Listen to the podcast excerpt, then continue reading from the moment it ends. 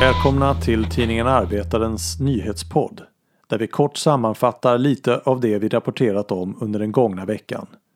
Allt det här och mycket mer kan ni läsa om på arbetaren.se. Glöm inte heller att följa oss på Facebook. En tredjedel av alla dödsfall på grund av covid-19 handlar om personer som bor på äldreboenden. Trots detta försökte Stockholms stad komma undan kravet på munskydd för personalen på Serafens äldreboende i Stockholm. Men i veckan vann facket Kommunal en stor seger i kravet på skyddsutrustning. Arbetsköparen ansåg att det räckte att personalen bar skyddsvisir medan facket krävde munskydd. När de nekades detta stoppades skyddsombudet arbetet och Arbetsmiljöverket gav facket rätt. Men Stockholms stad var inte nöjda. De överklagade beslutet till förvaltningsrätten och ville att kravet på munskydd tillfälligt skulle slopas. Men förvaltningsrätten avslog Stockholms stads bedömning och nu måste personalen på Serafen bära munskydd. Om exakt samma fråga skulle dyka upp någon annanstans så kan man väl förhandstippa att vi kommer att hantera den på samma sätt. Det här är den absolut lägsta nivån vi kan tänka oss sade arbetsmiljöinspektör Jenny Bengtsson till TT i samband med beslutet. Veckans dramatiska prisras på olja kan bli dödsstöten för fossilindustrin men är ett gyllene tillfälle att ställa om mot förnybara och hållbarare energikällor. Det säger Thomas Kåberger, professor i industriell energipolicy vid Chalmers i en intervju med Arbetarens tillförordnade chefredaktör Annie Hellqvist. Men håll koll på politikerna, säger han. De har makten att bestämma vilket bolag som ska överleva och vilka som ska gå under och de måste i detta ta hänsyn till vad som ligger i framtida generationers intresse, säger Thomas Kåberger till Arbetaren. I veckan gick oljepriset ner på minus. Ett historiskt prisfall. Med det minskade resandet till följd av coronaviruset står oljeproducenterna plötsligt med ett överskott de är tvungna att betala för att bli av med.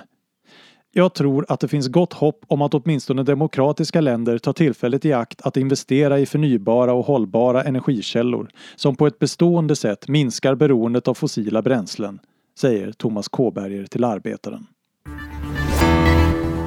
Regeringen bedömer själva att omkring 300 000 personer kan ha mist jobbet vid årets slut. Men de backar inte från planen att ändra i anställningstryggheten, meddelade arbetsmarknadsministern och socialdemokraten Eva Nordmark på lördagen.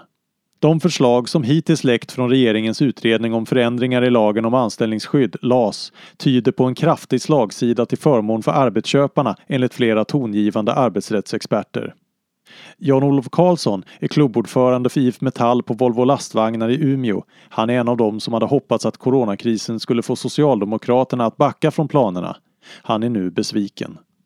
Dessutom är det en, en del av deras vallöfte att man inte skulle röra arbetsrätten. Som det är en, en gyllene läge men jag, det visar att jag uppenbarligen har helt fel i min bedömning av, av eh, dagens eh, socialdemokratiska regering och eh, socialdemokratiska politik.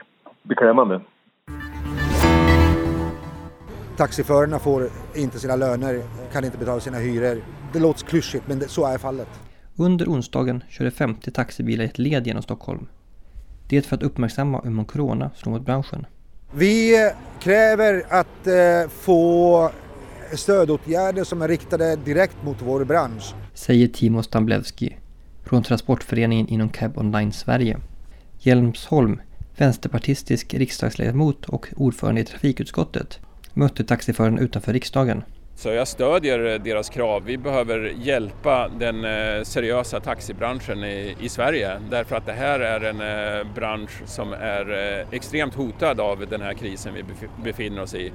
Jag utesluter inte att vi behöver göra mer och att vi kanske behöver ett riktat separat taxistöd för att rädda den här branschen i Sverige. Säger Jens Holm och menar att ett eventuellt stöd ska gå till den seriösa delen av branschen som bland annat betalar full skatt i Sverige. Och nu sista ordet från Arbetarens tillförordnade chefredaktör Annie Hellqvist. Förra helgen drabbades Kanada av den dödligaste massskjutningen någonsin i landet. Under 14 timmar åkte 51-årige Gabriel Wortman runt i kanadensiska Nova Scotia och sköt människor och satte eld på bostadshus. Minst 22 människor dödades. Gärningsmannen ska ha börjat sin mordturné med att skjuta sin före detta flickvän och hennes nya partner.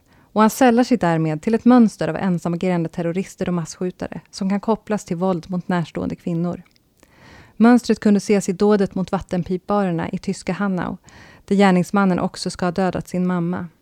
I dådet mot moskén i norska Bärum, där gärningsmannen först dödade sin adoptivsyster. Listan är lång. Mannen som körde lastbilen längs strandpromenaden i Nice 2016. Mannen som sköt vilt på nattklubben Pulse i Florida.